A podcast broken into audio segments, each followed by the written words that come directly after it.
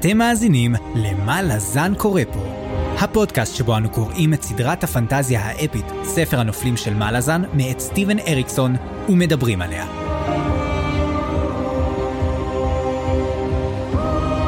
אני צפריר, ואני חיים. והיום פרק מספר 71, שבו אנחנו קוראים את הפרקים 17 ו-18, ונסיים את החלק השלישי, למות בעכשיו, בספר הקריאה לכלבים, הספר השמיני בסדרה. כן, צפריר, יאללה, אנחנו נכנסים בכל הכוח. יש לך משהו לומר לפני שאנחנו מתחילים? כן, יש לי משהו קטן אה, לפני שמתחילים, ואני חייב להגיד שהפרק הזה, אה, כשהתחלנו לדבר על איך מחלקים את הנושאים וכל הדברים האלו, ואנחנו תמיד אוהבים לעשות, אתה יודע, לגבש פר נושאים, אה, וזה יהיה קצת יותר בחלק השני שלנו, אבל בחלק הראשון זה פשוט בלתי אפשרי, מכיוון שיש מהלך כרונולוגי שאי אפשר לתאר כי דברים נכנסים בתוך השני, ולכן החלק הראשון שאנחנו נדבר עליו, שהוא דרוג'יסטן, אה, פרק 17, אה, אני חייב, אנחנו נעשה אותו כרונולוגי. פעם ראשונה מהרבה הרבה זמן שלא עשינו באמת כרונולוגי ונעבור חלק חלק על מה שקורה, זה יהיה, ותשמע, אני חייב להגיד שמעולם לא היה פרק שאני פשוט עפתי עליו כמו פרק 17, ופרק שאני כמעט נרדמתי בו כמו פרק 18. וואו וואו, יהיה קשה, אה? טוב, נדבר על זה, נדבר. It was the best of chapters, it was the worst of chapters. אמ, אבל נדבר. אז חיים, לפני שאנחנו באמת נכנסים, עבר שבוע, אני כבר שכחתי מה קרה בפרק 70, אז בוא קח אותנו. אקח אקח. בפרקים הקודמים של מה לזן קורא פה. אנו דוהרים לכיוון סוף החלק השלישי, התחלנו כבר להזיע מרוב חימום העניינים. וחייבים להודות, גם התרגשנו קצת לחזור סוף סוף, בפרק 70 לפינה האהובה, חיים וצפריר מדברים על קלפים. אז, בדרוג'יסטן ההולכת ומתקדרת חזינו בביקור בית של האנציו פיקר אצל רייסט, הג'גהות הממורמר החביב עלינו. שם לא קיבלו תה ועוגיות, אבל כן שיחת גוביינה יקרה במיוחד עם פארן, ששלח אותם חזרה ליוצר שהיה כל הזמן ההוא מתחת לגשר. לא אחר מאשר קראפ הצלופחי. חבל שפיקר משלמת על השיחה הזאת ביוקר. ולא רק רייס זוכה לביקור, כי אם גם רוח רפאים מסתורית בשם הינטה, או הינטר, באמת כבר לא יודע, אני סתם מאלתר. מה כולם רוצים ממנו? כנראה גם כן לא תה ועוגיות. ובעצם גם קאטר לא, כאשר בא לבקר את שליס בבית המסתור שלה. אז תה ועוגיות לא. מה כן? סגולה משומרים בחביות עץ אלון. דליקטס מקומי, אתם חייבים לנסות. ובינתיים, בצד השני של הפסקת הפרסומות, ראינו דרקון על מת שאסור לסמוך עליו, אבל כן לבכות אולי ממה שיש לו לספר, מכשפה עם לחץ דם גבוה וסוכרת מקבלת טיפול קורל גלייני ניסיוני, נימנדר ושות עשו משהו, אני נשבע, דיץ' קיבל קעקוע בעין, מסכן, והטריגלים הגיעו למקום בשם ריצ'וב, וואו, אני לא מאמין כמה התקציר הזה ארוך, ומה לזן קורה פה. זה לא כזה תקציר ארוך, תשמע, היו לך פעם שירים, היו לך פעם זה, זה. בסדר, you know. ככה, אל, אל, ת- אל תשפוט את עצמך לחומרה, אנחנו הולכים לקולה, לקולה. אז באמת, אה, כמו שאמרנו, שנייה אחת, כן, אז לפני שאנחנו מתחילים ובואו נרוץ קדימה, כי יש לנו הרבה דברים לדבר עליהם היום, חסות קצרה ואנחנו מיד חוזרים. התוכנית בחסות גנה בקיס, הגלידה הדרוג'יסטנית המקורית, 100% הקפאת גז. גנה בקיס, אלכימיה של טעמים. סתם, התוכנית לא תחת שום חסות, אבל היא כן בתמיכת המאזינות והמאזינים שלנו בפטריון, שעוזרים לנו לשפר את הפודקאסט, לפתח עוד הרבה רעיונות לעתיד. אז תודה רבה לכל המאזינים והמאזינות שלנו, התומכים והתומכות שלנו, תודה רבה לכם.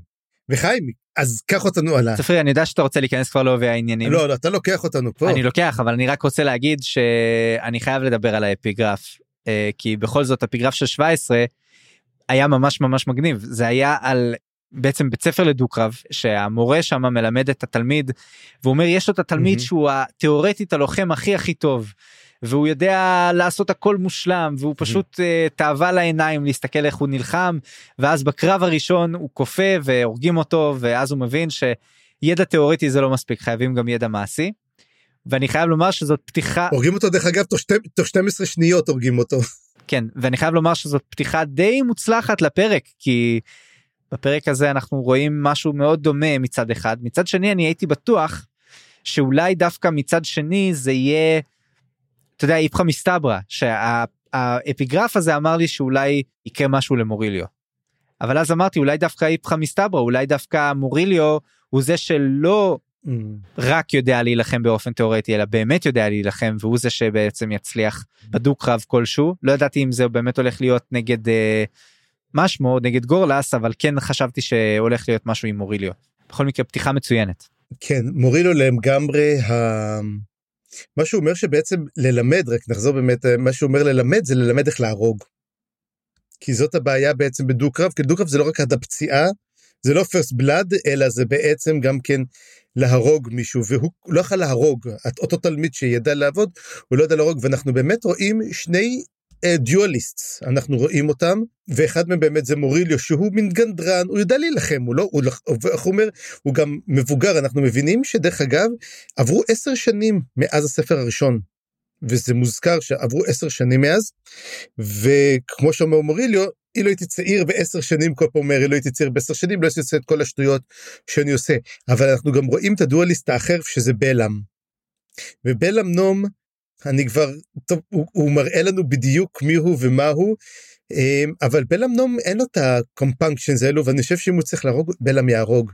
אני חושב שגם מוריליו אבל בהחלט הוא כבר לא אוהב מה שהוא היה פעם אבל בוא בוא רגע לפני שנדבר על מוריליו בוא נתחיל מההתחלה כי באמת הסיפור פה מתחיל דווקא מסנל וסנל אה, יש לו הרבה כן. הרבה אה, נקודות שפל חדשות פה ובמיוחד בוא נדבר על זה שהוא ההורים שלו הולכים לכיוון מקדש האל הנכה וזה מקדש שהזכרנו אותו בפעם הקודמת כבר.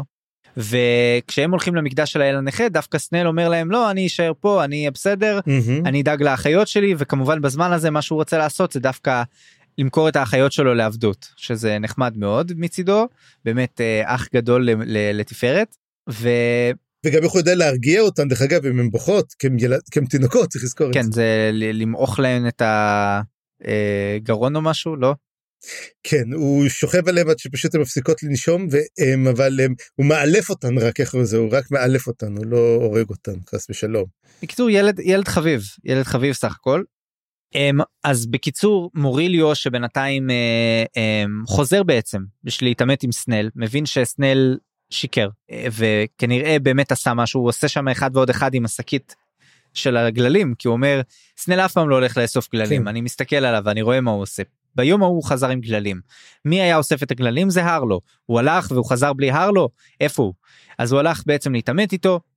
בזמן הזה אנחנו גם מגלים שבלום נום אה, שזה התלמיד של מוריליו שגם מאוד מחזיק ממנו עוקב אחריו. ובלום נום יהיה לו תפקיד חשוב עוד מעט עם סנל. ובכל מקרה הסיפור שהולך לקרות עם ההורים של אה, סנל במקדש גם אנחנו נדבר עליו עוד מעט. אז שמע זאת פתיחה. מאוד מאוד חזקה של החלק ואני רוצה גם להזכיר את האפיגרף הקטן שדיבר על הרשעות של ילדים. ואני חושב שהוא מתכוון במיוחד כן. לסנל אבל גם לבלום אני חושב. כן אה, צריך לזכור שמדובר בעצם על בריון על בריונים אנחנו נראה גם כן איך בלה מדבר אה, שבאמת יהיה עם סנל. אבל מה שכן להגיד בעצם שההורים הולכים בדק ומירלה שהם הולכים ל- לאל הנכה הם כנראה איפה שהיה מקדש פנר בשעתו שפשוט אה, נזנח אה, או קוראים לו הנביא אז השאלה עצמה האם אנחנו חושב יש לך איזה רעיון מי זה אותו הנביא. של לא חושב אה, שקיבלנו בינתיים אה, איזשהו מידע אה, יותר מדי. אני חושב שזה אותו אחד שהיה במערה יחד עם אה, פליסין. אוקיי יכול להיות יכול להיות. לא מתואר שהוא היה עם איזה שהם איך- אה, איך- איך לא קוראים היה לו? איזה שהם גולות בפה או אבנים בפה חצץ בפה לא לא, יכול להיות, אני לא זוכר. ולזה לא היה התיאור הזה. אה, לא חושב נראה לי זה מישהו חדש בכל מקרה אה, כן אנחנו נדבר עוד על המקדש הזה והזוועות שלו. כן. אז יש לנו בעצם אה, גיחה רגע למתנגשים שיש לנו בעצם את המבל מז'ר ומזמן לא ראינו אותו ככה אתה יודע גיחה של הבדי מהמם. הגדול כיף, כיף לקרוא שוב עליו. כיף לקרוא שוב עליו. אגב, הוא יוצא מאוד מפחיד פה בקטע הזה. לגמרי. ובעצם הוא בשיחה עם אה, סבא קרפר שספג עכשיו את המהלומה הקשה עם המלזנים והחוזה שלו לא כל כך עובד אז בינתיים הוא מקבל מהמבל מז'ר חוזה נוסף שמטרתו איזושהי התנגשות במישהו מהמועצה. אני חושב שזה ברור למי אנחנו מתכוונים. אני חושב שזה על אנבי. על אנבי. אני חשבתי דווקא על אנבי אני לא חשבתי על אה, אתה חשבת על, על מי על אה, גורלס על או קול. על אה, קול כן אז זו זה אחד הדברים הוא שצריכים לדבר זה בעצם קצת על פוליטיקה דרוג'יסטנית ואנחנו קצת נדבר על זה באמת. קודם כל דרך אגב הוא מסיר את החוזה מלזן, על המלמזנים הוא אומר החוזה תעזוב אותו. אוקיי חשבתי אבל אתה יודע זה לא זה. הוא לא מסיר אותו הוא, הוא, הוא שם אותו בצד הוא אומר זה יותר דחוף כרגע לדעתי. כן.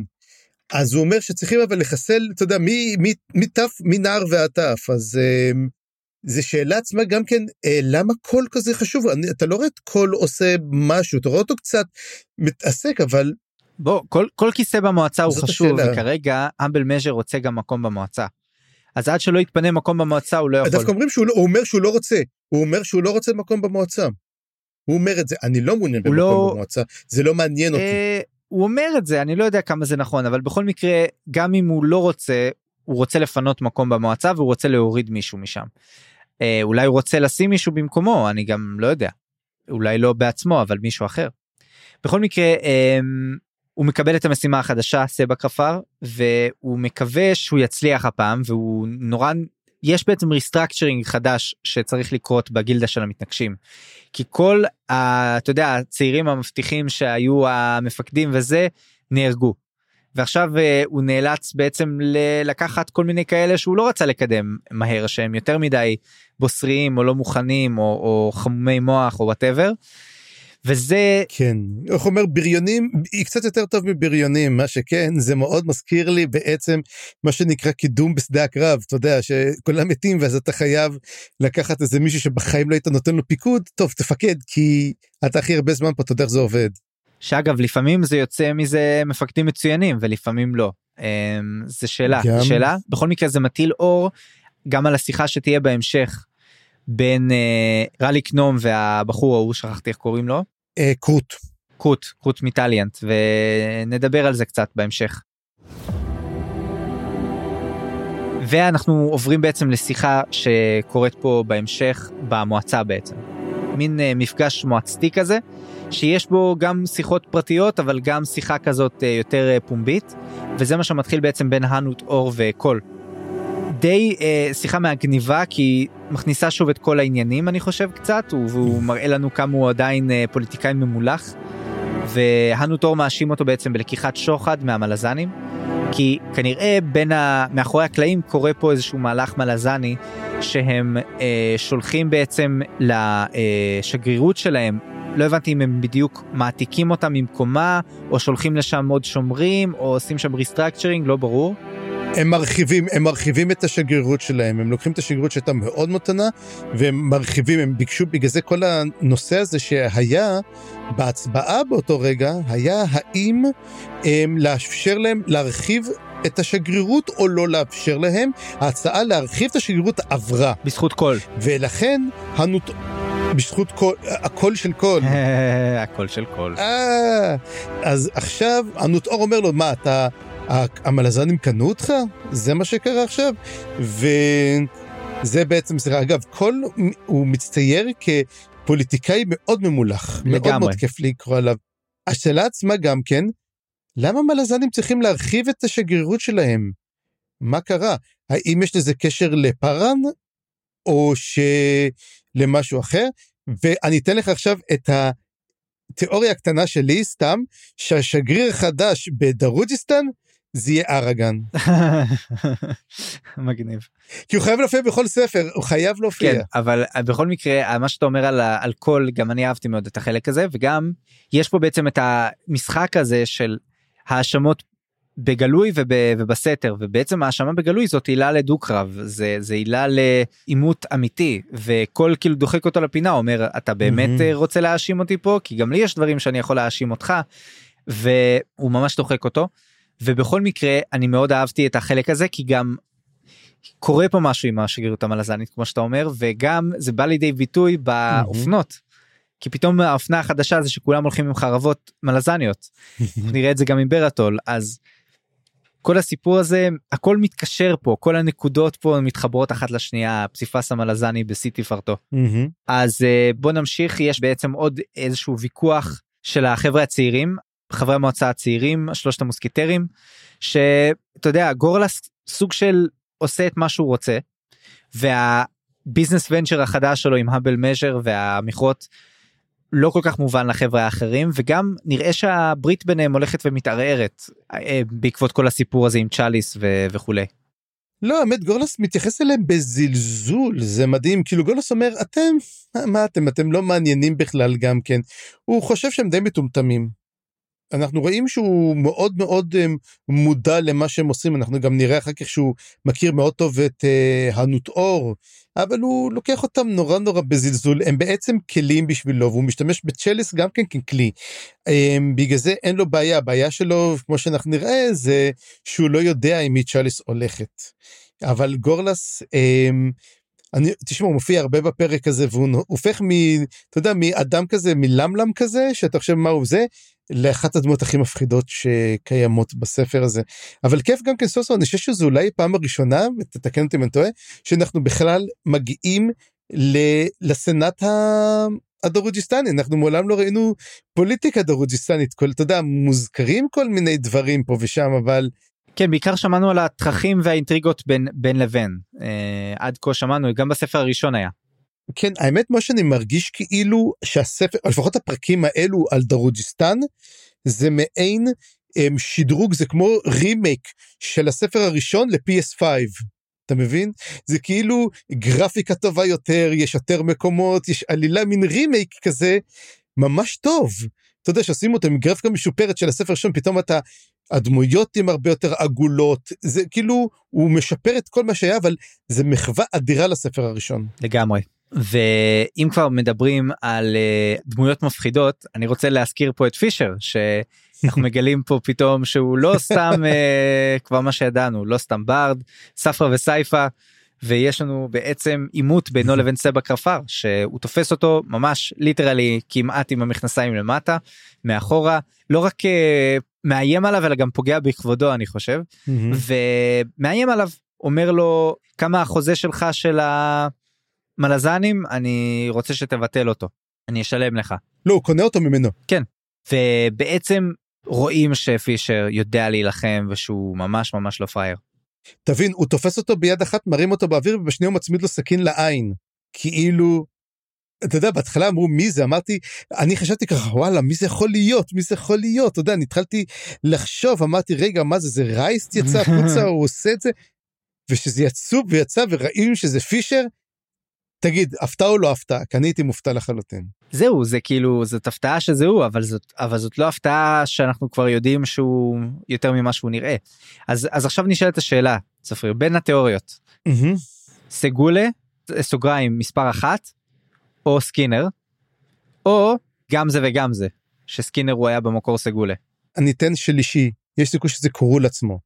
קרול עצמו אנחנו מדברים על מישהו שיש לו היסטוריה מאוד ארוכה, אנחנו שלי קורול הייתה היסטוריה מאוד מאוד ארוכה. אם לא סתם הוא הופך להיות המאהב של, אמ, של אנבי.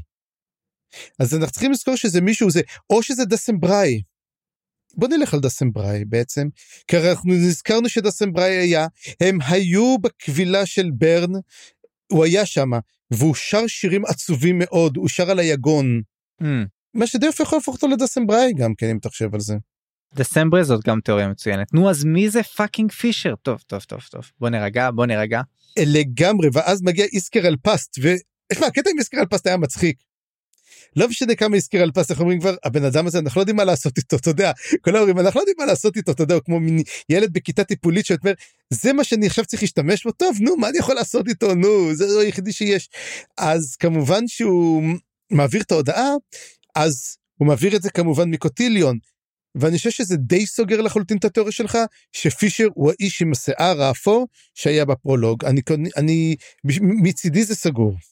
כן זה מתקדם לכיוון ההוא באמת אם הוא צריך עכשיו לפגוש את קראפ.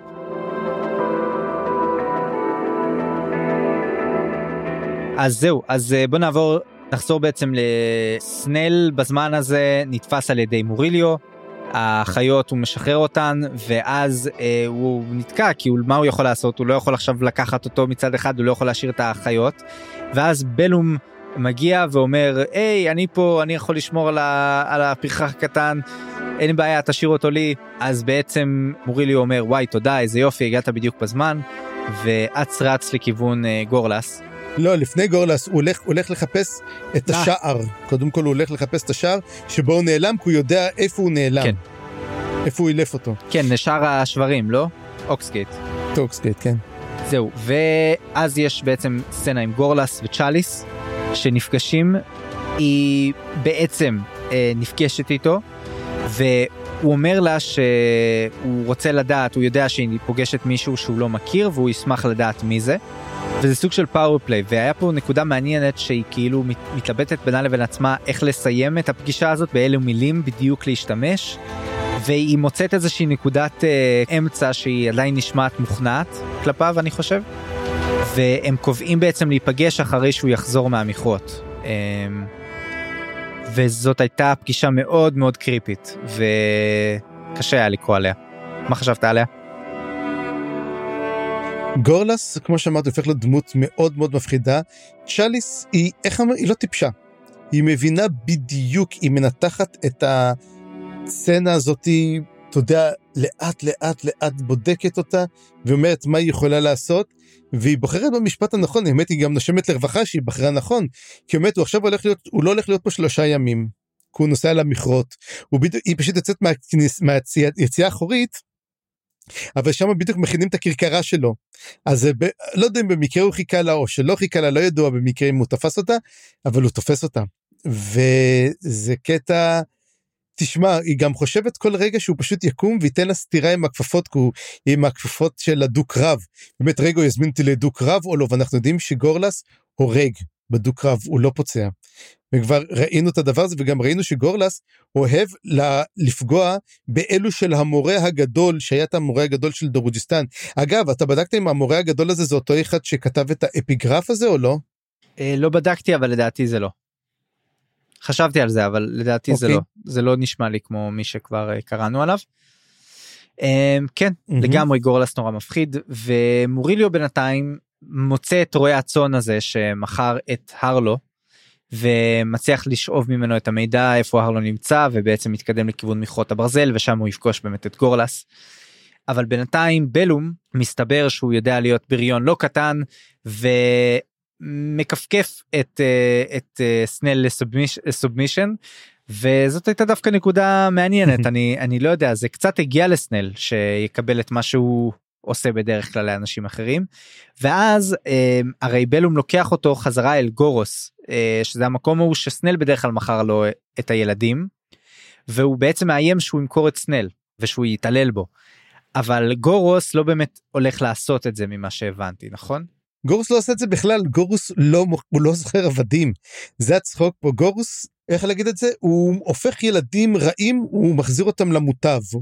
הוא למעשה תחשוב על זה כמו חוות השומר אבל פשוט שבדרוג'יסטנית. הוא לוקח אנשים ילדים שהם בעייתיים והוא בעצם שולח אותם במר לספינות שילמדו לחתור הוא אומר אבל מה הם מקבלים משכורת הם לומדים לחיות חיים קשים הוא אומר אחרי חמש שנים יוצאים והם ממש אשכרה מסתדרים על עצמם אבל מה כן הוא מפחיד אותם בהתחלה אז הוא לוקח אותו למטה והוא שם אותו בכלוב. "אז נשים אותו 24 שעות ואחר כך נחליט כבר מה לעשות איתו אבל הכי מצחיק גם שגורוס הוא גורוס נום. עוד אחד מבית משפחת נום. מראה שהמשפחה הזאת כמה נומים יש נום נום נום. לגמרי. טוב תראה אני אה, אעביר לך עכשיו את השרביט ונסיים את מה שקורה בפרק הזה גם. כן אז אמ, בוא נגיד ככה שהנקודה הג- הנקודה פה עכשיו מתחילה בעצם עם אמ, ה shipping אני חושב הכי מוזר שלנו בספר אפילו גם סילרה אומרת מדובר על אה, סילרה וברטול אז סרטול או ברלרה ברלרה ברלרה אני אוהב. ברלרה אז סילרטול זה נשמע כמו תרופה נגד אה, נוגדת דיכאון וזה כבר לפודקאסט של אה, סילמריליון צריך ללכת. נכון נכון מאוד. אז היא מגיעה אליו והוא אומר לה כן מה מה אפשר לעזור לך? אני בכל מקרה נתקל עכשיו בכל הבעיות של הגילדות וכל זה והיא אומרת לו תשמע הבנתי כבר שאיך קוראים לו? מה שמו? אמ, קטר כבר לא איתי, קטר די די קט מלוס, ואין לי מה לעשות עם זה. אמ, למרות שדי הוא שבר את הלב שלה, למרות שבאמת אני לא בטוחה, כן, לא, היא די, אתה יודע, מתלבט לגבי זה. אז היא אומרת, אני מחפשת בעצם מישהו אחר, דייקר כבר חצי מת, זה פישר זה, באמת לא, אתה די היחידי שאני יכולה ללכת איתו, כי היא אומרת, תשמע, זה נחמד ללכת עם בחורות, וזה נחמד, אבל איש, אישה צריכה גבר, היא אומרת, זה אני צריכה, לפחות האישה הזאת צריכה גבר, והיא אומרת, אני בוחרת בך. ואיכשהו נראה שגם ברטול מעוניין בזה, וזה נראה ש... וואלה, הולכת משהו נחמד ביניהם, אבל אז כמובן מגיע, מגיעה נציגת הגילדה יחד עם משמר העיר, שמה הבעיה בעצם?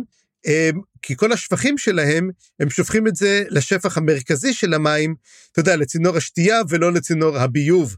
אז הוא אומר, אוקיי, עכשיו אני מבין, אז אני צריך, אני אשלח את זה לביוב, אז אומרים לו, כן, אבל אתה יודע, אתה לא חלק מהגילדה, אין לך את הזכות, ובעצם אתה עברת על החוק של זיהום. הם תפסו אותו על איזה משהו קטן כדי שאפשר יהיה לעצור אותו. טכניקליטי. כן. אז סילרה אומרת, טוב, אני הולכת למצוא עורך דין טוב, ותוך כדי שיוצאת היא נותנת, יש לה צמא, נותנת לה איזה משיכה אדירה בצמא כזאתי, וזה באמת מה קוראת לי, אוי מצטער, זה נתפס לי בצמיד, אז אומרים, רגע, לא היה לה צמיד, היא משתגעת, אומרת, לא, תתפסו לי אותה, סילרה די בורחת, וצ'אור אומרים לו, טוב, לסגור אותו. עכשיו, צ'אור לא מוכן לקבל אזיקים, וצ'אור משתגע, ופשוט הוא מעיף אותם לכל הצדדים, והוא וברטול בורחים. ואנחנו מקבלים הצצה קטנה למוח של צ'או. אתה יודע, וגם אנחנו שומעים את קראפ אומר, אנחנו לא באמת מבינים מה הולך במוח של אותם רפאי שכל, אין לנו את היכולת להבין, ואין להם באמת יכולת לספר מה הם עוברים שם. אבל הוא אומר, אני אתן לכם לראות איך זה עובד. והוא מדבר על אהבה ושנאה, איך שצ'או רואה כל דבר, אהבה זה טוב, נעים לו, חם לו, הכל טוב לו, זה אהבה, כל דבר לא טוב לו זו שנאה. וזה קצת נקודת מבט כזאת קצת מעניינת לראות אותו בדבר הזה. זה כבר פעם שנייה שזה קורה בספרים ופעם ראשונה אני חושב שזה בתביעה שלו כשאנחנו מקבלים את ההצצה למוח שלו. כן. וזאת נקודה מאוד מעניינת אני חושב שאריקסון עושה פה עבודה מדהימה איך שהוא כותב את הקטעים האלה ואני רוצה להגיד כמה מילים על הקשר בין ברטו לסילרה כי זה באמת כאילו מצד אחד זה ללכת לכיוון לנוח ולמוכר ואתה יודע הקלאסי הריבאונד הקלאסי של uh, בסוף הם שניהם באות, במקום דומה והאמת שכבר מזמן זה היה נראה כאילו זה יכול היה לקרות. רק שקאטר נכנס שם באמצע. כן צריך לזכור שגם שניהם שניהם משבע ערים גם כן, כן צריך לזכור. אה, זה, זה השיפ הכי הגיוני לי בעולם רק שלא ברור אם הוא יצא לפועל כי אנחנו לא יודעים מה יקרה עם ברטול ודווקא זה נראה שלקראת הסוף ברטול שולח הרי צ'אור אה, לברוח נכון הוא אומר לו תלך ל, ל, ל, כן. לספייט והוא נתפס נכון. אז, אז כאילו לך תדע אם, אם הוא יצא עוד מזה. כן למרות שהיא שולחת עורך דין אמ, את מי תביא את מאט מרדוק. זה, זה היה יכול להיות טוב אבל אה, ה crossover שכולנו צריכים. כן אני חושב שהיא תביא את קראפ תגיד קראפ הוא יכול, יכול להיות עורך דין. או, זה או קראפ או איסקר על פסט ואני מקווה שזה לא איסקר על פסט. האמת זה כן וזה גורם לו שיהיה לו עונש מוות אבל תשמע זה אני אומר כל הסיפור פה שקראפ יכול באמת לדבר אותם למוות מה שכן. ואז באמת אנחנו ממשיכים הלאה עם רליק נום וקרוט, כמו שאמרת באמת הוא פוגש את קרוט, וקרוט אה, מחליט אומר, תשמע, הגיע חוזה חדש, אה, אני כן, אני חוזר לגילדה, ורליק אומר לו, תשמע, אני רוצה לקנות את ה... אתה יודע, את, אני, יש לי כסף. אני יכול לקנות את ה-retirement שלך, אתה לא חייב לחזור לגילדה. אבל קרוט אומר לו, זה חשוב לי, זה באמת חשוב לי, ורליק הבין שהם לא יכולים יותר להיפגש. ולמעשה רליק אה, אומר אוקיי הגיע הזמן לצאת לאור כאילו לצאת ושידעו שאני חזרתי בעצם. רליק לא מסתתר. I'm back from retirement. I'm back from retirement והוא מבין שהוא הולך לפונדק הפיניקס הוא מתכוון לעורר עניינים ושים לב שכולם מתחילים להגיע לכיוון קראפ. זאת אומרת קראפ הופך להיות ה fulc, ה fulcrum כמה בדיחות אבא יש לי היום של כל הנקודה הזאת כי למשל אה, גם כן מגיע, אם תגיע אליו סילרה, אנחנו גם רואים שמגיעים אליו מכל מיני, גם כן איסקרל פסט. פישר, כן. פישר גם כן. והמלזנים. המלזנים גם מגיע אליו, בדיוק אנחנו מתחילים לראות שקרב, וכנראה כל המפגש הגדול הזה יתרחש בפרק הבא כנראה, בחלק הבא. אז אם מה שכן, אנחנו דיברנו... לא דיברת, לא דיברת כן. על איסקר על פסט וקראפ, אני רוצה שהם ייפגשו כבר. אני רוצה שיהיה לנו את ה... אוי, זה נהדר. את ה-fucking talk off כאילו ביניהם זה זה חייבים לראות את זה זה יהיה דו-קרב הרבה יותר רציני מהדו-קרב של הפרק הזה. נכון, ותשמע, זה יהיה גאוני לראות אותו, שקראפ מדבר על כל זה, והוא מדבר עליו, מה הוא, הוא כזה, הוא חושב שהוא טיפש, הוא לא דיבר, ואז קראפ אומר ככה, הוא מדבר על כל אחד בגוף שלישי, הוא אומר את מה שהוא חושב. אמ, יהיה- מדהים, אני נורא, נורא, נורא. יהיה מדהים. אני רוצה גם להזכיר שרייל קנום עושה לי פה וייבים כן. חזקים מאוד של ג'ון וויק שחוזר מפרישה. I'm, I back? I'm thinking I'm back. I'm back. הרגו לרליק נום את הכלב. לא סתם קוראים לזה הקריאה לכלבים, הכלב של רליק נום. או... זהו סגרנו יאללה אפשר להמשיך. ונמשיך הלאה. כן. ואם דיברנו על קראפ, בוא נמשיך עם קראפ. וקראפ אה, בינתיים יושב מדבר עם קאטר, אבל קאטר כבר לא שם, במוח. זאת אומרת, אה, קראפ מדבר עם קאטר, אומר לו, תשמע, תיזהר, אתה לא יודע לאיפה אתה הולך וזה, אבל קאטר, אתה יודע, הוא לפני פגישה עם אה, צ'אליס, ככל הנראה לא מדובר, והוא כזה לא מקשיב, ואתה יודע, ומה הוא חושב על עצמו? הוא אומר, אתה יודע מה? אולי באמת אני אפרוש עם צ'אליס, אולי באמת אני אברח איתה. אולי יש לנו סיכוי ביחד. אמ, והוא די עוז- והוא עוזב את פונדק הפיניקס והולך להיפגש איתה כנראה. וכמובן שזה לא הולך למקום טוב. עכשיו, אנחנו יודעים שגורלס לא נמצא שם, אבל אולי יש לו שליחים, אולי יש לו דברים, אולי יש פה איזה תכנון. אפשר אמ, לדלג לחלק שבו קאטר הורג את גורלס? אני לא חושב שקאטר יהרוג את גורלס, אני חושב שזה בלאם. אוקיי או בלאם או קאטר אני מקבל את בלאם. הולך, אבל הולך להיות טבח, תשמע, אנחנו לפ- לפרקים של טבח, אנחנו, תראה, אני מרגיש באמת, אנחנו גם נדבר אחר כך סיכום קצת על החלק השלישי, אבל נדבר באמת על הקטע של שחמט והנושא הזה. אבל אה, בוא נגיד ככה, חוץ מקצת אפיקראפים וקצת זה, זה באמת מה שאנחנו נפגוש עם קראפ, וזה חבל, כי אני נורא נורא נהנה מקראפ, אבל אה, אם דיברנו באמת על המקדש של האל הנכה, בוא נדבר עליו. אז בדק ומירלה נפגשים עם הנביא, והוא מדבר איתם, ונראה שיש לו כוח, אוקיי? הוא כן מזהה, הוא מדבר על סנל ואומר, תשמעו, אתם אנשים נוראים, והילד שלכם הוא, הוא אתם. ולא רק שהוא אתם, הוא יודע מה זה אהבה, אבל הוא לא רואה את זה כמשהו טוב, הוא רואה את זה ככלי שצריך להשחית אותו. הוא ממש נותן להם ואומר להם, זה אתם, זה חייכם, זה מה שאתם. בוא נדבר על זה שסנל כל כך רע שאפילו האל הנכה לא רוצה אותו. כן, אתה יודע, זה, אפילו לי יש סטנדרטים, אתה יודע, even evil has standards. לגמרי. וכי זה רק אולי אומר דבר אחר. האל הנכה הוא לא רע, הוא לא מחפש רוע, הוא לא מחפש, הוא, מחפ, הוא מחפש בעצם לאסוף אליו את כל האלו שמושחתים, הרי גם סנל אפילו אומר את זה בעצמו, הוא אומר לעצמו, מי זה האל הנכה הזה? אם הוא אל נכה, למה הוא לא מרפא את סליחה, עצמו? סליחה, סליחה. תגיד לי, זו לא שאלה שאנחנו שאלנו את לא, עצמנו? בסדר אבל למה מירלה מגיע לה עכשיו למות מנמק ולבדק למות אה, משבר במפרקת כאילו למה מה אז זהו זה. כי הם לא, הם לא ראויים לשרת אותו. הם לא ראויים לשרת את האל הנכה אפילו, זאת אומרת, הם השכלה של השכלה. אפילו אמר את זה סנל, הנה, ובוא נגיד, סנל כמה שהוא רע ומניאק, יש לו תובנות טובות מאוד. הוא לא טיפש. והוא אומר גם כן, הוא אומר, הם חושבים שהם משהו, הוא אומר, שניהם, הם שני אנשים פשוטים, שהם אפילו לא מודעים לכמה שהם פשוטים. כמה הם השכלה, הוא אומר, הם לא שווים כלום. ובאמת, תוך כדי שאומר להם את זה האל הנכה, הם, הם שואלים איפה הילד שלנו, הם צריכים להר לו איפה הילד שלנו, והוא נותן להם את המידע על סנל. ואחר כך בעצם, בוא נגיד שזה לא תור מסודר שם, בוא נגיד ככה, אוקיי? ופשוט רומסים אותם בדרך לראות את הנביא, ורומסים למוות את בדק, דורכים עליו, מישהו דורך לו, לא יודע אם במכוון או לא במכוון, על הגרון שלו, על קנה הנשימה, והורג אותו. ומירלה, אחרי שנוגע באל הנכה, היא חוטפת נמק, והיא חוטפת, מישהו דורך לה על הירך, איזה מישהי בועטת בה עם הבוין עם ציפורניים חותכות, כי אין להם נעליים שם, בוא נגיד, זה כל, ה, כל העוברים והחרשים עוברים שם וחותכים אותה, והיא כאילו איכשהו מנסה לגרור את עצמה החוצה, לא יודע אפילו אם תשרוד, או אם תשרוד לכמה זמן. וזה מה, שקור, מה שקורה שאתה עם האל הנכה, זה מה ש... תראה אני אני חושב שהנביא זה מי שתהיה. הזה חייב עכשיו אה, ממש אה, לחשוב על טוב טוב על מה שהוא עשה כי יש לבדק בית. זאת הייתה בדיחת האבא, פינתו החדשה של חיים הישנה. יאללה, בוא נמשיך. אוקיי, זאת, זאת, בדיחת, זאת הבדיחה. תשמע, אני חושב שאני איפשהו במוח שלי חשבתי על זה, ואמרתי בדק, בדק בית בזה, אבל אמרתי, אה, אני... תודה חיים שלקחת ממני את העול של הבדיחה הנוראית הזאתי, ואנחנו נלך לנושא האחרון ולהיילייט של הפרק, ואולי אחד הגדולים של הספר, על אני בהתחלה כתבתי על הדו-קרב שלא היה בין הנות אור לבין קול, ועכשיו לדו-קרב שכן היה. עכשיו מוריליו מגיע למכרה, והגיעה שלו למכרה, הוא מגיע ללא מחשבה, והוא מודה בזה.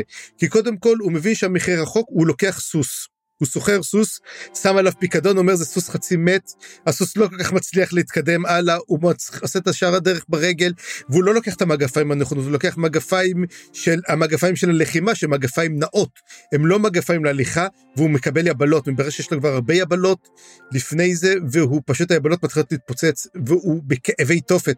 עכשיו, למי שאף פעם לא היה לו יבלות, קשה להבין את זה, אה, היה לי פעם את הקטע הזה, תשמע, זה כאבי תופת. אז הוא אפילו שהוא חושב, זה כמו שאומרים, זה ללכת על מסמרים. כן. וזה דבר נוראי. אז אה, אני חייב להגיד לכולם, לא לעשות את זה, זה נוראי כזה דבר, וזה קורה מנעליים לא נכונות. אז אה, חבר'ה, תשקיעו בנעליים, כמו שאמר, כמו שאמר Sergeant ויימס, ב, אה, אם אתה מכיר את הנושא הזה, מכיר את, ה, את הכלכלה לפי Sergeant ויימס, כלכלת המגפיים? לא. לא זוכר. זה מדהים שפרצ'ט הוא אומר שבעצם הם עניים, הוא אומר, אין להם כסף לקנות מגפיים טובים. הם משתכרים בו נגיד, הוא אומר, מגפיים כאילו, הם קונים מגפיים בעשרה דולר. שהם מגפיים בסדר, אבל מה אומר? הוא אומר זה מגפיים לא כאילו טובים, והסוליה כל כך אה. שחוקה, שבסופו של דבר אתה מרגיש את הרטיבות מבעט לסוליות. Okay. הוא אומר אבל מה? והם מספיקים לך לעונה שתיים המגפיים האלו, אז הוא אומר, אבל אם אתה קונה מגפיים של 50 דולר, הם מגפיים טובות שמחזיקות לך עשר שנים ומרגישות לך טוב כל הזמן הזה. ובסופו של דבר, העניים בסופו של דבר בזבזו יותר כסף על מגפיים זולות מאשר על פעם אחת שקנו מגפיים טובות. זאת כלכלת המגפיים, וזה מאוד מעניין. ואני אומר אותו דבר, פשוט עם מכונת כביסה מילה. והאבות והנשואים מבינינו יבינו אותי הרבה יותר טוב מאשר הצעירים. אני חושב שזה מה שסבתא רבא שלי הייתה אומרת, ש... אני לא עשירה מספיק בשביל לקנות דברים זולים. בדיוק, אבל... לגמרי. אגב, אני ירשתי מסבא שלי מכונת כביסה מילה, תבין. וואו. ירשתי מסבא שלי את המילה והיא עבדה טוב. שנייה. אני לא אגיד לך מתי זה. אז ספרי, מכונות כביסה זה, דבר, זה נחמד והכל, אבל אולי, אה, אולי נגיע כבר לדו-קרב, אני כבר מת לדעת מה קורה פה.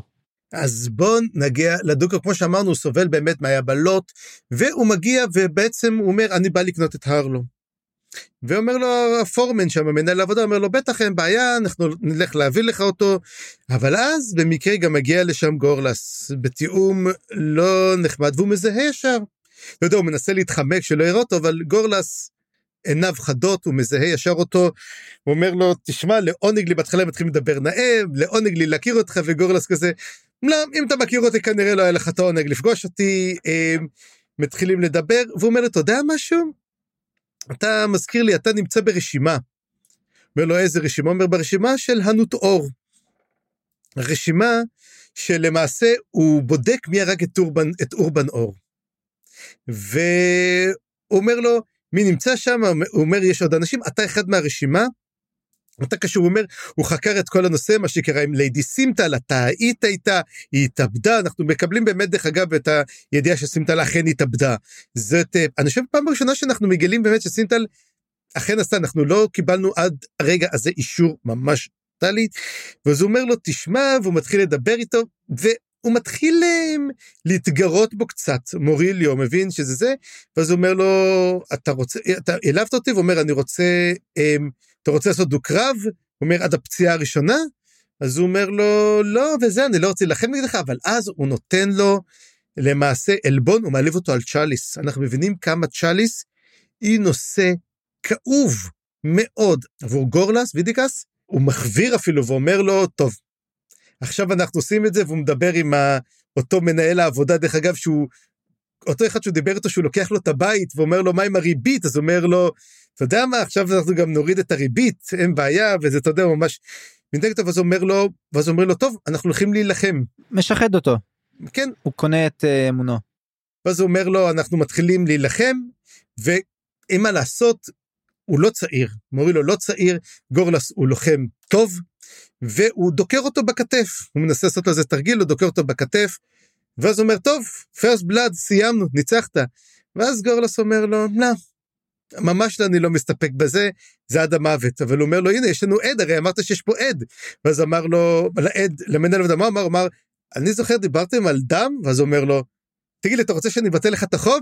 אומר, לא אני לא זוכר לא דיברתם על משהו. ובעצם מראה לך שאתה יודע זה זה אצולה כאילו שולטים בזה אתה יודע וקצת שוחד וכמה שהוא זה הוא עדיין מנסה לעשות לו איזה מהלך אבל גורלס לוחם מדהים. הוא מין מעוות, את הגוף שלו עושה איזה מהלך והוא פשוט דוקר למוות דוקר אותו בחזה.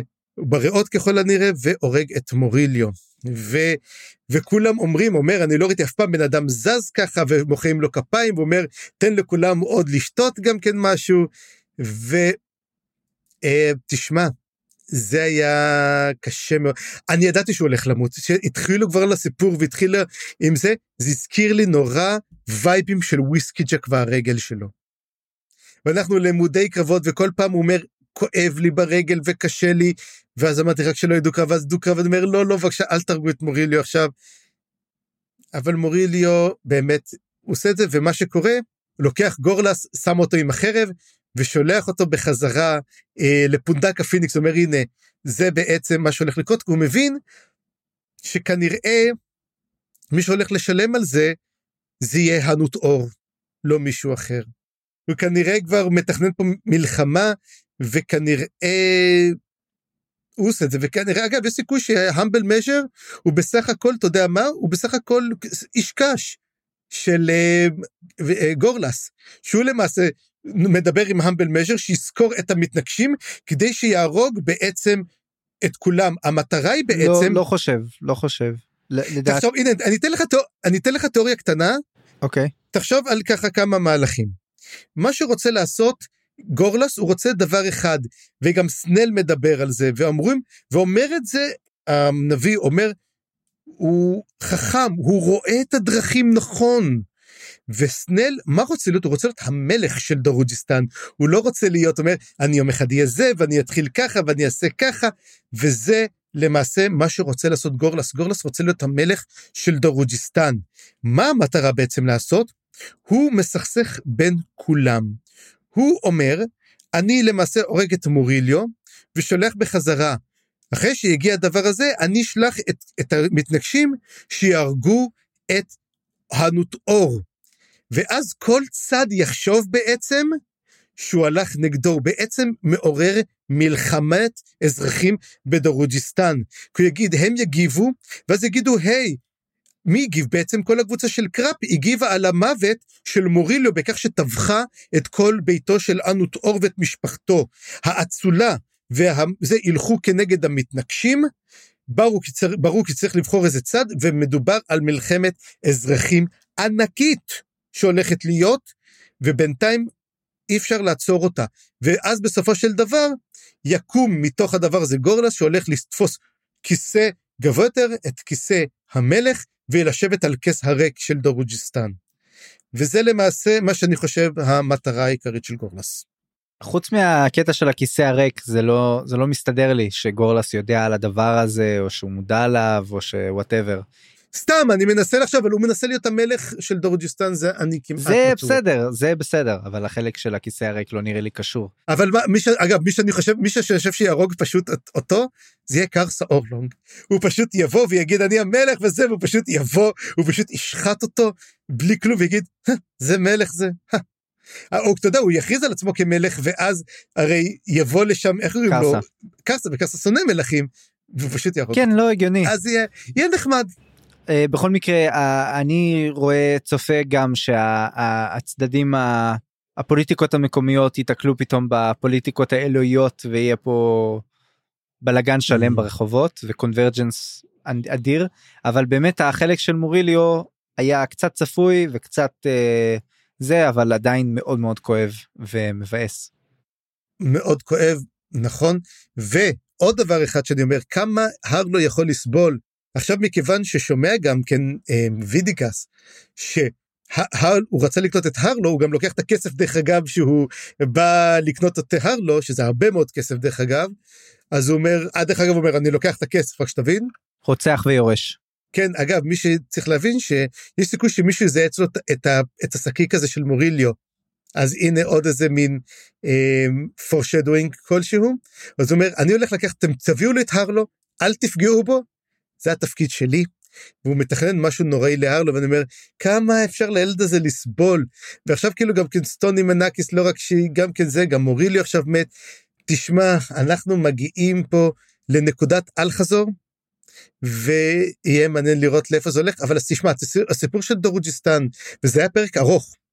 הוא היה פרק נהדר הוא זורם ואני אומר כל הנקודות של דרוג'יסטן כתובות פה פשוט כל כך כיף. ואז אני אשב ושואל אותך שאלה אחרונה שזה שני דברים שלא הבנתי בפרק. ספר לי על השור הזה. קטע אחד מדובר על השור שנוסע לכיוון המכרה והוא חושב על חיים שלו ובחזור הוא, הוא בעצם זורקים את הגופה של אה, מוריליו על השור הזה והוא חוזר בחזרה לשם. מי זה השור הזה ולמה אנחנו מקבלים את נקודת המבט שלו? השור זה נקודה שעולה שוב ושוב באפיגרפים בתחילת ובסוף הפרקים של דרוג'יסטן. בדיוק למה זה? ואני חושב אני חושב שזאת זה כלי ספרותי של אה, קראפ שדרכו הוא בעצם מספר את הסיפור של העיר. השור לא באמת לדעתי או שהוא מראה על היכולת של קראפ לראות ולהבין את כל מה שקורה בעיר עד כדי כך שהוא אפילו חווה את מה שהחיות שלה חוות. או שזה פשוט כלי ספרותי שלו שדרכו הוא מספר את הסיפור של העיר הוא לא באמת אמיתי השור הזה. זאת אומרת זה לא באמת לא חייב להיות אותו שור זה זה פשוט מין אה, הוא שם בפה של השור ובמחשבות שלו את כל הדברים שהוא רוצה להעביר בעצם. זה השור לדעתי. אתה יודע אפשר לקחת את זה לכיוון אלגורי שהשור זה העיר וזה שיש לה בעצם מין מודעות כזאת קולקטיבית והיא כמו של חיה כי היא לא מודעת לעצמה העיר אבל היא בהחלט מודעת למשהו ואפשר להגיד דבר כזה. אבל למה לחפור? או שאני אמרתי זה כמו בלה מקישור הזמן הסוסה של אה, רנד שלמעשה שליטת העולם אז אולי גם השור הזה. ספרי למה ספוילרים? סליחה סליחה סליחה. יש פה אנשים שלא קראו את, את אה, קישור הזמן. טוב זה לא ספוילרים באמת. טוב טוב יאללה נעבור להפסקת פרסומות קצרה ומיד לאחריה. ואחרי החלקים הפחות נחמדים. סליחה המאוד מאוד נחמדים אוקיי? מאוד מאוד נחמדים. אוקיי? יאללה. haters gonna hate dude. יאללה. חיפשתי מקום עם עשייה משמעותית. מה שאני עושה לא מתאים לכל אחד או אחת. תפקיד שהוא חלק מעשייה מבצעית סיכולית. משלב איסוף המידע ועד לביצוע פעילות בשטח. ועבודה משותפת עם סוכני הגילדה האחרים. נפתחו מגוון תפקידים, אז אם יש לכם את מה שצריך, היכנסו לאתר. גילדת המתנגשים, בהנהגת סבא קרפר. ותודה שחזרתם אלינו, אנחנו ממשיכים עם כל השאר, ונתחיל בעצם בכלבים, יש פה בעצם את הכלבי הצללים שיש ביניהם לבין הכלבים החדשים, שזה פליד ולוק, נכון? או פליד ו... לוק. לוק. שמתחילים לעשות, אה, אה, יש ביניהם קצת כזה מתיחות ומשחקי כוחות. שזה מעניין כי עד כה הכלבים לא היה להם את זה אני חושב הם די היו אחידים ב, ביכולת שלהם. והערבוב הזה של כלבים שחורים כלבים לבנים מתחיל פה כמה שאלות פילוסופיות מעניינות ואני רוצה שנגיע אליהם עוד מעט. ויש בעצם גם את טולס שורן שמגיע שהוא ה, לכאורה הבעלים המקורי של כלבי הצללים. והוא רואה את הכלבים והוא אומר יאללה עכשיו הכלבים האלה יקשיבו לי והוא כזה מושיט להם ידיים והכלבים לא לא הולכים אליו. מה שכן כנראה שכן הם לא יתקפו אותו ישירות וכשהוא מדבר בעצם עם אמנס וקוטיליון יש ביניהם מין שיחה כזאת אה, לא נעימה ובודקים את הגבולות אחד של השני אז נראה שהכלבים לא היו תוקפים אותו אבל שני כלבים החדשים כן יתקפו אותו בלי בעיה. אז בעצם יש עדיין בדו שיח בדו, בדו קרב המילולי שלהם נראה שבכל זאת ידם של בית הצללים על העליונה והוא מזדעזע מהכלבים האלה והוא בורח לפני שהם יעשו לו משהו. וכל השיחה פה גם על הרקע mm-hmm. של מין שיחה שיש גם בין שדו ת'רון לקוטיליון שבהם שדו ת'רון שואל בעצם האם הכלבים לא קוטיליון שואל בעצם האם כל הסיפור הזה של כלבי אופל כלבי צללים כלבי אור תיאורטיים בעצם מצוץ מן האצבע. יכול להיות שמדובר בעצם על שבעה כלבים וזהו. וזו תיאוריה מאוד מעניינת של קוטיליון. מה אתה חושב עליה? היא מעניינת כי דבר אחד שאנחנו לומדים זה אנחנו לומדים קצת יותר על הדרגוס. והדרגוס אנחנו מבינים עכשיו הדרגוס מדובר שהיו פעם הרבה זה היה גזע שלם. והגזע הזה נכחד עד שנשארו שבעה ממנו ואז בעצם הקיסר דסימבלקיס איך קראו לו דסימבלקיס נכון? כן דסימבלקיס. דסימבלקיס לקח אותם ופיצל את הנשמות שלו לתוך השבעת כלבים האלו בעצם הפך לו את הדיברס. ומפה בעצם התחילו כל האמונה של שבעת הכלבים. אז השאלה בעצם האם זה בעצם שבעה כלבים וכל פעם זה התגשמות אחרת שלהם? אגב, מישהו אומר שדרך אגב פישר הוא לא דסמבלקיס? תראה זה כבר אה, רחוק. אני תמיד חשבתי ש... אני לא, אני תמיד חשבתי שדסמברה הוא דסמבלקיס. זה הייתה אחת התיאוריות הישנות שלי כי זה כמעט אותו שם. וזה די הגיוני שהקיסר של האימפריה הראשונה יהיה זה. כי אתה יודע למה משהו? כי מאוד מאוד איכשהו, אני לא יודע אם אתה שמת לב, פישר וקלור מאוד מזכירים לי זה את זה באיזשהו מובן. שניהם אפורים, שניהם הולכים, אנחנו באמת גם כן נדבר גם קצת יותר על קלור, אבל אתה יודע, מזכירים לי שהם היו פעם מין מלכים של אימפריות אדירות, ומה קרה? האם באמת זה אותו דבר? לכן קצת מזכיר לי פישר, אבל באמת כל הנושא האלו של הכלבים, מי הם, ומאיפה הגיעו באמת הכלבים הלבנים האלו? אני לא זוכר שמתי הם הגיעו. אה, הם הגיעו בסוף של הספר הקודם אני חושב אה, או בתחילת הספר הזה. למה הם הגיעו בכלל אני מבין שצריך לח... להציף עוד שניים אבל הם לא מתו הם ברחו מדרגניפור. קוטיליון שואל את זה אה, גם על משדוטרון הוא שואל בעצם איך הבאת אותם? אתה דמיינת אותם? אתה אז אומר קראתי. אז אומר קראתי להם. הם הגיעו. כנראה שיש איזשהו כוח שמביא כן. אותם. אבל גם אה, אגב הם אומרים משהו מעניין אומרים משהו מעניין גם כן שאומר לו למה לא קראת למלכת הצללים היפה שתבוא ותהיה לנו? כאילו אין להם מלכה. לא לא לא הוא אומר לו הקלף הזה עדיין הוא לא מופסק. אבל גם למלכת הקל... אה, מלכת הצללים אתה קורא כל הזמן והיא לא מתגשמת אז מה מה קורה פה זה לא סתם שהכלבים הגיעו ושאר המשאלות שלך לא מתגשמות. בכל מקרה אה, כן אתה אומר שנעבור לקלור ו...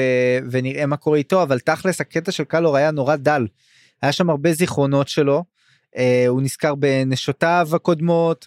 כן, נזכיר, נזכיר אותם ברפרוף.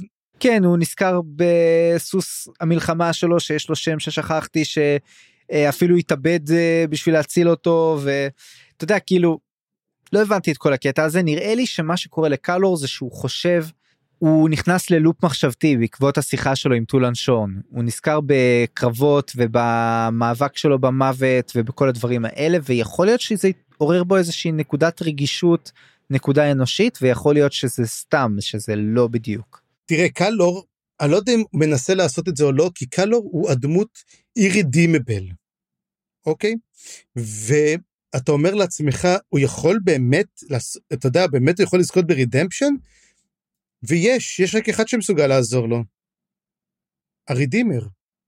כי רק את קוביאן מסוגל באמת להעניק לו מחילה.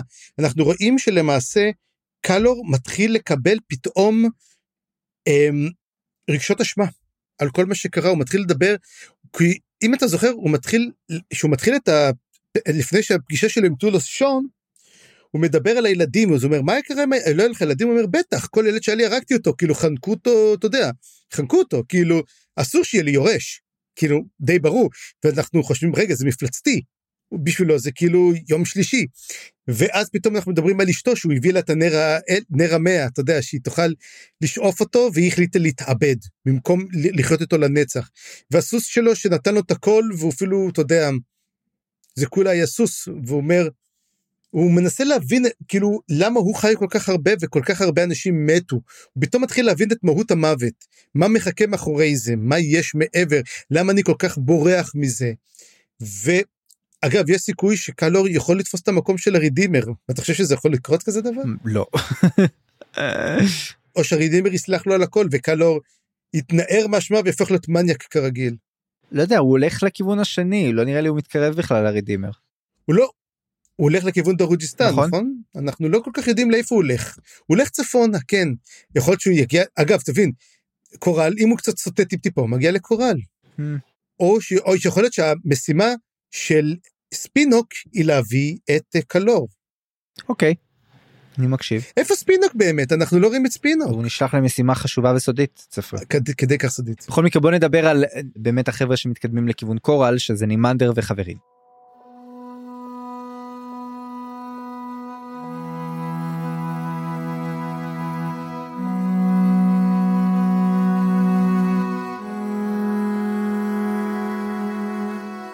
אז נימנדר דווקא זה היה החלק אחד המעניינים בפרק הזה אני חושב דווקא ונתחיל פה קטע שאולי אה, יחזיר אותם ל- למוטב אצלך בתקווה, החלק הראשון היה מטומטם, השני היה הרבה יותר טוב. אז באמת סקינטיק ונננדה יש ביניהם איזשהו ויכוח ארוך ללא הפסקה זה שוב מחדד את ההבדלים בין הטיסטי-האנדיים שלנו שהם כולם אה, שונים מאוד אבל בסופו של דבר יש נקודה שמחברת ביניהם בלה בלה בלה. אבל אז יש נקודה של קדביס וקדביס מסתבר שהיא מאוד מאוד חדה ומאוד מאוד אה, יודעת אה, לשים לב לדברים והיא שמה לב שמשהו מוזר מאוד עובר על קליפ מאז שהם אה, הצילו אותו ומתברר שהאל הגוסס נמצא בתוכו. וזה חז... החזיר לי משהו אה, מנקו... ב... באיך שהרגשתי כלפי נימנדר ושות כי בינתיים כל ה side track side quest של האל הגוסס היה נראה כאילו לא היה לו שום משמעות נכון? הם הגיעו הם הלכו מהמם. הם נלחמו הם חזרו לא קרה כלום side כאילו הכי side quest שיכול להיות הם הצילו את קליפ משום מה אבל הם הביאו אותו גם לשם מלכתחילה אז למה הם הביאו אותו לשם בכלל. וקליפ מגלה אתה יודע כמו שהרבה פעמים בסרטים ובספרים כשהרע נתפס אז הוא כבר מגלה את כל הדברים אבל גם אה, זה כי הוא יודע כי הוא, שהוא לא באמת הולך לתת לקדביס לדבר אחר כך אז אה, הוא מגלה לה כי המטרה שלו זה להגיע לאתקוביה ובעצם רוצה להשתלט עליו רוצה לקחת את הכוח שלו לעצמו. כי אמרנו שברגע ששני האלים האלה בעצם צצים בו זמנית וצוברים כוח בו זמנית שניהם עדיין יל... צעירים וילדותיים ו... וגולמיים אז אחד מהם אולי יכול להשתמש בשני כדי לקבל בוסט משמעותי אז uh, זה מה שהוא רוצה לעשות. וכל הסיפור עם רייק מבחינתו זה שולי. הוא אומר כן אולי אני אבוא אולי אני אוכל את רייק ואקח את הכוח שלו אבל זה כרגע לא מה שאני רוצה לעשות. והוא הורג את uh, קדביס בצורה מאוד מאוד מוזרה הוא, הוא מאביס אותה בסיימון קליק אני חושב עד שהיא מתה לא משהו כזה. כן. ובכל מקרה ארנת'ה מרגישה את זה. מספרת את הדבר הזה לנימנדר ואומרת לו גם תדע את כל מה שקורה אבל מצד שני אל תעשה עכשיו שום דבר. אתה צריך עדיין לשמור על שקט אם אנחנו עכשיו נגלה שאנחנו יודעים אנחנו נמות גם כן. הם צריכים בעצם איזשהו, איזושהי עזרה או איזשהו תזמון מיוחד בשביל להת- להתעמת איתו. אמ, שמע זה היה בכל מקרה מאוד מאוד מאוד אה, קטע מעניין אני אהבתי. מהמם. לא, האמת, הק- כן, הקטע התחלתי שהיה את זה, עוד פעם, האמת זה מצחיק, אני- הם פשוט דיברו והיה ויכוחים, ואז נגמר החלק, אמרתי, אוי יופי, זה כל מה שיש לנו בעצם מנימנדר והחברים. בסדר, קיבלתי יופי שזה יהיה, ואז היה הקטע שני, הרבה יותר מעניין, אה, מעניין לאיפה ייקחו את זה, אבל עדיין אני אגיד שזה החלק הכי פחות אה, חביב עליי. כן אני אני הרבה פחות התחברתי לטריגלים וכשנגיע לטריגלים נדבר על זה. ונעבור לקרסה וחברים שבעצם אה, נמצאים ליד האש מגיע דוב ענקי ופתאום סמר דב מקבלת משום מקום מילים שצצות לה במוח באימאסית שנקרא דנק אוקרל דנק אוקרל דנק אוקרל. והנווד אומר שזהו אל מלחמה קדום שעומד להצטרף עכשיו ושמע מסתבר שלא מספיק אה, אלי המלחמה שכבר יש לנו טוג ופנדריי ופנר וטריץ' יש מסתבר הרבה מאוד אלי מלחמה וכל אתה יודע פני החברה כפני אל המלחמה שלה ותמיד כש... בוא נגיד הטורף אלפא בדרך כלל אה, apex הוא הדמות של האל מלחמה הנוכחי והייתה פה אמירה גם כזאת צינית בעצם בן אדם צריך להיות תמיד אל המלחמה כי בן אדם הוא טורף ה apex האולטימטיבי. אה, שום חיה לא יכולה עליו בעצם. כ- כחברה. תגיד את זה לדוב גריזלי, בסדר. לא אבל גם דוב גריזלי אפשר אה, ל- בן אדם יהרוג בלי בעיה מה עם רובה. עם רובה נכון בטבע, בטבע עם חנית מה. ב- בני אדם הם טורפי האפקס גם ממוטות אתה יודע אה, צדו מהמם. אותם. אז אה, כן בכל מקרה זה היה קטע קצר היה פה הרבה דיבורים של קרסה על סבל ועל האם הוא הולך לתפוס את מקומם של, ה, של הרודנים שהוא הולך להרוג ובסופו של דבר נראה לי שקרסה לא יודע אם בנאיביות או לא אבל אומר שהוא לא הולך להיות מלך אחרי שהוא ישמיד את הציוויליזציה הוא לא הולך להיות השליט הבא. האם הוא יצליח או לא זה לא. מעניין אותו פשוט. כן. לא, זה לא מעניין אותו. אבל אולי הוא יהיה כמו המסאיה אתה יודע ש I'm not the messiah you are the messiah He is the messiah. אה, יש סיכוי שלא יהיה לו ברירה. ובתוך דרגניפור נעבור לחלק הבא יש לנו סיפור מעניין אה, מוזר קצת שהיה לנו שם את פנינה זה פנינה השד נכון זה מהספר הראשון זה הילד הזה, בדיוק הילד הזה שרייק הורג אותו. כן אז הוא הורג איזשהו אנקרל שהשתגע ויש שיחה עם דרקונוס על הסוף ודווקא פנינה מצפה לסוף ואני אני רואה ש... מצפה, מצפה. כל הפנינה פה הם, הם, הם גברים. אה נכון. ואז קורה משהו מוזר. הם שומעים איזה שהוא רעש של תופים ו- ו- ורחש בקצוות של אה, דרגניפור בקצוות של מסביב לאיפה שהם הולכים ומסתבר שצבא הכאוס מגיע וצבא הכאוס תופס צורה של צבא אמיתי. וזה היה קטע שלא ציפיתי לו.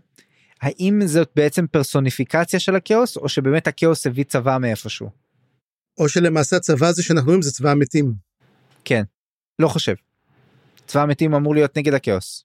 אז כנראה יהיה מלחמה של צבא מול צבא. כן אז זה מה שאני שואל האם הצבא הזה באמת הובא מאיפשהו או שהוא נוצר על ידי הכאוס והוא סוג של פרסוניפיקציה שלו. זה יהיה בפרק הבא, בטוח. יהיה הסבר. יש לנו גם uh, תיאור של דיץ' שחולם חלומות משונים וקדספלה שבעצם אני לא הבנתי את הקטע הזה הוא כאילו חושב שדיץ' הוא סוג של אל שהוא מייצר אותו כעת או הוא, הוא בעצם הקעקועים האלו מייצרים אל, הוא בעצם הקעקועים שלו יהפכו את דיץ' למין אל כלשהו. זה מה שהוא עושה בעצם, הוא בעצם גאד מייקר. שזה ממש מוזר הוא אנחנו ידענו משהו דומה לזה ראינו משהו דומה לזה עד כה. לא, אבל תחשוב על זה למעשה שכמו שהוא מצייר עליו, יכול להיות שהוא מקעקע עליו מין כמו, תחשוב קלפים קטנים כאלו, ולאט לאט אתה מסוגל לעשות, זאת אומרת, אנחנו כן ראינו שציור מסוגל לשנות משהו. או כמו הקעקועים של פנר את זה גם ראינו ושל קרסה, הרבה אנשים מקועקעים. כן. טוב וזהו נראה לי ככה נסגור את uh, דרגניפור אלא אם כן יש לך משהו להוסיף על דרגניפור אמ, שתשמע, זה נדבר בסוף, נדבר על בעצם סיכום החלק יאללה אז הזה. תעבור ל- להמשך קח אותנו לקבר איתקוביאן.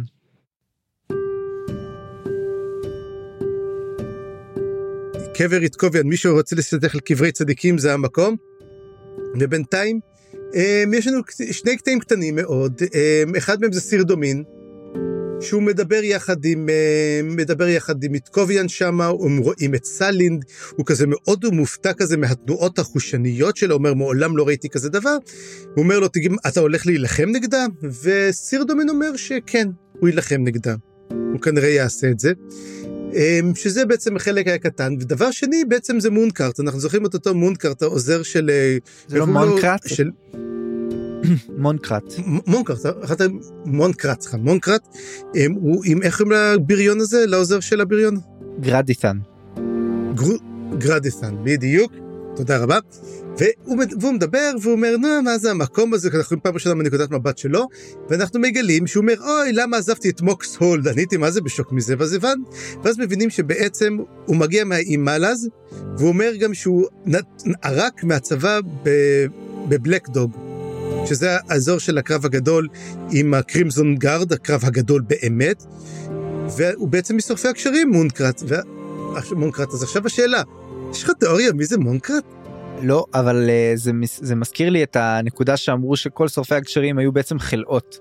שהיה שם חלאות לא קטנות. אה, זה מזכיר לי את הקטע שם, אה, ולא לא מפתיע אותי שבן אדם שעורק משורפי הקשרים יכול להגיע לדברים כאלה, אבל לדעתי משהו, כל הקטע שם עם גרדיטן, מה שהוא אומר בעצם זה שגרדיטן איבד את זה. הוא בעצם uh, משתמש mm-hmm. בה, הוא התמכר בעצמו לקליק, והם כולם שותים את הקליק, וזה כל מה שהם חושבים עליו, וכל הכת הזאת בעצם הולכת וקורסת תח, תחת uh, כל הדבר הזה. Uh, מבחינת האל הגוסס אגב, זה יכול להיות שזה בדיוק מה שהוא רצה. זו תחנת השטח לקראת בואו והשתלטותו על איתקוביאן, אבל mm-hmm. uh, מונקרט לא רואה את זה ככה. כן. אז בוא נעבור לקטע שהיה פחות מובן, וגם בפרק הקודם היה פחות מובן. מין קטע שלא כל כך מובן גם מה הקשר שלו לעלילה, וזה הטריגלים.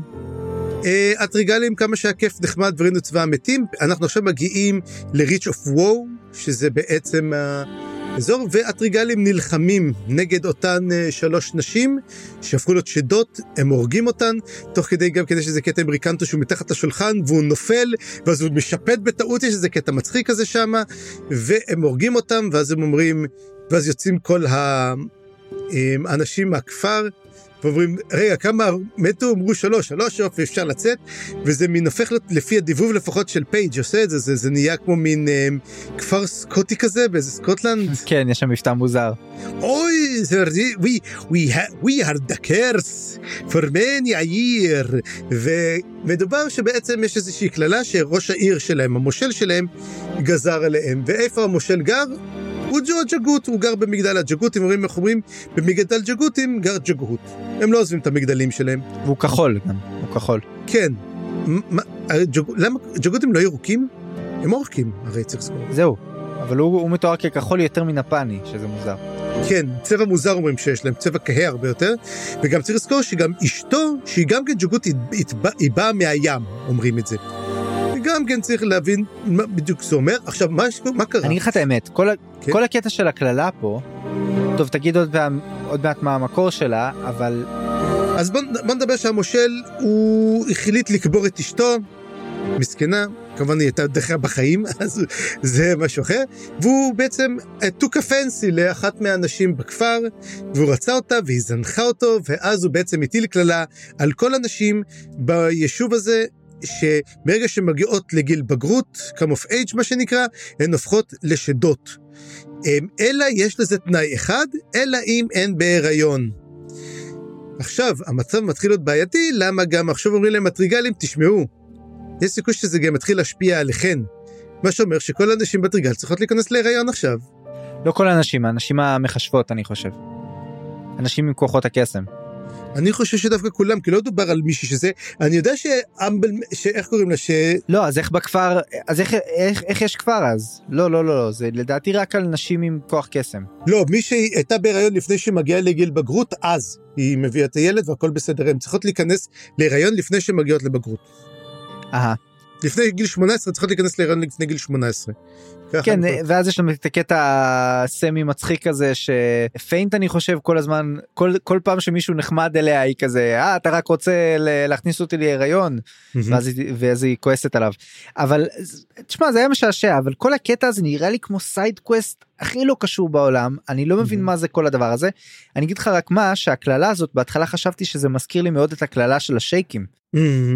אוקיי דבר. כן, זה גם קשור לים זה גם הם מגיעים מהים וזה גם תוקף את, אה, את ה...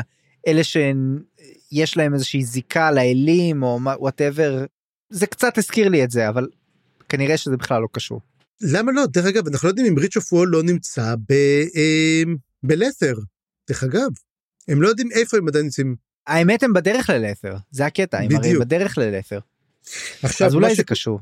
אז הקטע הזה מסתיים בעצם שהאישה חוזרת זאת אומרת הוא קבר אותה אבל היא זה לא יעצור אותה היא חוזרת ואומרת אחרי כל הדבר הזה אני פשוט הולכת להשמיד את הכפר הזה נמאס לי כבר מהדבר הזה אבל אתם אני יכולים ללכת לדרככם. אז כמו שאמרת בעצם לא כך מובן מה זה הם, זה כאילו אתה יודע מין מסעות הטריגלים כאילו אולי זה בעצם איזה קומיק ריליף. שזה לא כזה קומיק ריליף אה, קשה לי להבין יש קטעים אבל זה יותר מדי עלילה בשביל קומיק ריליף. כן. אם זה היה רק קומיק ריליף אז בסדר זה כמו הקטעים של פאסט למשל. אז באמת שאלה טובה מה הולך לקרות ונגמור בעצם עם החלק האחרון שזה קורל השחורה יש לנו שני קטעים שם. והם קטעים קטנים. אחד מהם, אנומנדה ריק, הוא נפגש עם הכהנת, מדברים באמת על אנדסילן, מדברים קצת על החיים, והוא נפרד ממנה, והיא מבינה שזה כנראה פרידה אחרונה ממנו. ובאמת אנדסילן ריק גם כן נפרדים לשלום. ונראה בעצם שהם מין, זהו זה, זה, זה סוף הסיפור, ולמרות ש... כי אתה יודע, כולם מתקרבים, השאלה למה. באמת שאלה. כן, זה בהחלט זה בהחלט בא לי לדעת מה קורה שם והפרידה הזאת הייתה מאוד מאוד מעניינת איך שהיא קרתה. וגם זה לא ברור אם בדיוק מה שאנדסט היה אמור לעשות אם הוא כבר עשה את זה או שאם הוא הולך לעשות את זה עכשיו. Mm-hmm. כן. ואני רק רוצה להגיד עוד משהו התחדד לי בפר... בפ... בחלק הזה התפקיד של רייק ובעצם מה הוא עשה. ואני לא הבנתי את זה עד הפרק הזה עד עכשיו יכול להיות שסתם הייתי טמבל ולא הבנתי את זה אבל פתאום התחדד לי שרייק החליף את אם האפלה כמושא הפולחן של אטיסטה אנדי. Mm-hmm. הוא הפך דה פקטו להיות האל שלהם. ובתור האל שלהם הוא כאילו מצד אחד תלוי בהם ומצד שני הוא נורא חשוב להם והוא מרוחק מהם והוא ממש מתנהג גם כמו דמות אלוהית כזאת בעייתית מאוד. אז אה, זה בדיוק מה שהכהנת אומרת לו אתה לא מגיע לפה מספיק בתור האל כאילו אנחנו עושים בשבילך דברים ואתה לא שם לב ואתה לא זה וזה מסביר למה הם שם עדיין למרות שכבר אין את אם האפלה בתור מקדש הם, הם עובדים את ריק. ואם ריק ימות אז את מי הם יעבדו או במידה והם לא יעבדו אז הם יצטרכו לחפש את אם האפלה ולחזור בחזרה לקורל גליין. יכול להיות שהוא מבין את לגמרי. זה שהוא חייב למות כדי לתת להם להתקדם הלאה ולחזור כי הם לא מוצאים שום דבר בעולם הזה. הם מחפשים את הנערות האפלים, את ה... זה, הם משחירים עיר שלמה, אבל זה ממש לא אותו דבר. אז בואו בינתיים אה, נסכם את החלק השלישי ונסגור את הפודקאסט. כן, לגמרי, זהו זה, פרשנו? לא, לא את, ה, את הפרק, אני מתכוון. אה, את הפרק, אוקיי. אני חושב שהחלק השלישי היה חלק מעולה מבחינה דרוג'יסטנית, וקצת משעמם מכל הבחינות האחרות. זאת אומרת אנחנו כן קיבלנו כמה דברים נחמדים כמו עם העולם של המתים קיבלנו קצת על העולם הגדול קצת קרסה קצת דרג ניפור זאת אומרת קיבלנו את הנקודות אבל כמו שאני מרגיש תמיד זה כמו לפני קונברג'נס אתה יודע זה כמו משחק שחמט אתה אתה מכיר את הקטע הזה שאתה משחק שחמט ואתה שם דברים ואתה לא רוצה לאכול אתה שם את כל הדברים ואתה מחכה עד שלא חייבים לאכול ואז אתה יודע בסוף אתה חייב לאכול מישהו וכולם אתה יודע הוא אוכל אותו אוכל אותו אוכל אותו אוכל אותו וזה מה שהולך לקרות לנו בחלק הרביעי ואנחנו ממציאים ממש על סף תהום אז כן מוריליו הוא הקורבן ה... לא יודע אם הראשון להגיד את זה אבל הוא הקורבן הגדול שהולך להיות. יהיה מעניין לראות איך יקבלו את זה חבר'ה ומעניין לראות האם באמת מה יקרה עם גורלס תשמע עכשיו הכל יכול לקרות. ואני ממש ממש uh, מרותק לעניין הזה בנוגע לקטע עם קורל בדורג'יסטן הכל יכול לקרות שם בקשר לקורל השחורה לכל הדברים האחרים אני אומר זה נחמד אבל זה נראה לי כי יש לנו שני ספרים בתוך ספר אחד. אולי היה כדאי יותר להתמקד רק בדרוג'יסטן בפרק הזה בספר הזה זה היה מספיק ספר של 500-600 עמודים לא צריך 1500 כל פעם you know. לא לא יודע לא יודע אני אני דווקא אוהב את הקפיצות רוב הזמן אבל כשזה רק לפסקה או, או שתיים ולהגיד אה תשכחו אל תשכחו יש גם אותם אז שם אני כבר מתחיל להרים גבה אבל בדרך כלל אני אוהב את הקפיצות אני אוהב זה פחות uh, משעמם כאילו לקרוא רק על uh, נקודה אחת בכל מקרה מה שכן זה קצת יותר מעייף ואם נדבר על השם של החלק של למות בעכשיו אנחנו בעצם מסיימים עם body count שמתחיל uh, לעלות. ויש לנו הרבה מיתות בחלק הזה ובמיוחד בפרקים האלה שקראנו יש מוריליו קדוויס אה, ההורים של סנל אה, וכל מיני אנשים אחרים. אני אומר זה מתחיל להיות קצת אה, קצת אה, להתחמם ואני כבר מת לראות מה יקרה בחלק הבא. אבל אה, אני אומר שנעצר גם עכשיו מה אתה אומר? אז באמת נעצור עכשיו ניתן נשימה עמוקה ורק אני אומר דבר אחד תזכרו חבר'ה אנחנו מתחילים את החלק האחרון שני פרקים אחרונים לפודקאסט בעונה הזאתי אז תשימו לב אנחנו הולכים עכשיו לקרוא הרבה פרקים כמו שקראנו זאת אומרת אה, אם אתם זוכרים בספר הקודם קראנו היה לנו פרקים ארוכים גם עכשיו שלושה פרקים כל פעם אבל אני נראה לי שזה יעבור מאוד מאוד מהר ואנחנו נהיה מאוד מאוד מרותקים למה שיקרה. וזהו לטאטה. בפעם הבאה נקרא את הפרקים 19 עד 21 ונתחיל את הקריאה לכלבים, החלק הרביעי בספר הקריאה לכלבים, הספר השמיני בסדרה. אני חיים גורוב גלברט. אני צפרי גרוסמן. בואו לערוץ הדיסקורד שלנו, נחמד שם, ונשמח אם תדרגו אותנו באפליקציית הפודקאסטים שבה האזנתם לנו. ואם בא לכם לתמוך במה שאנחנו עושים, אפשר לעשות זאת דרך פטריון. יש מלא דרגות תמיכה ותשורות מגניבות, פרטים בתיאור הפרק. עריכה וסאונד חיים גורוב גלברט.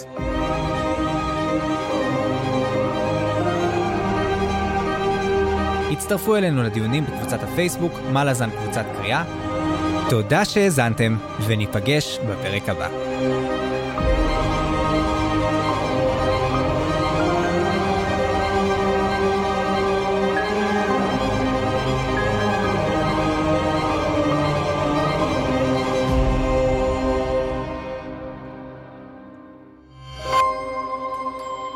היזיון, הסכתים פנטסטיים.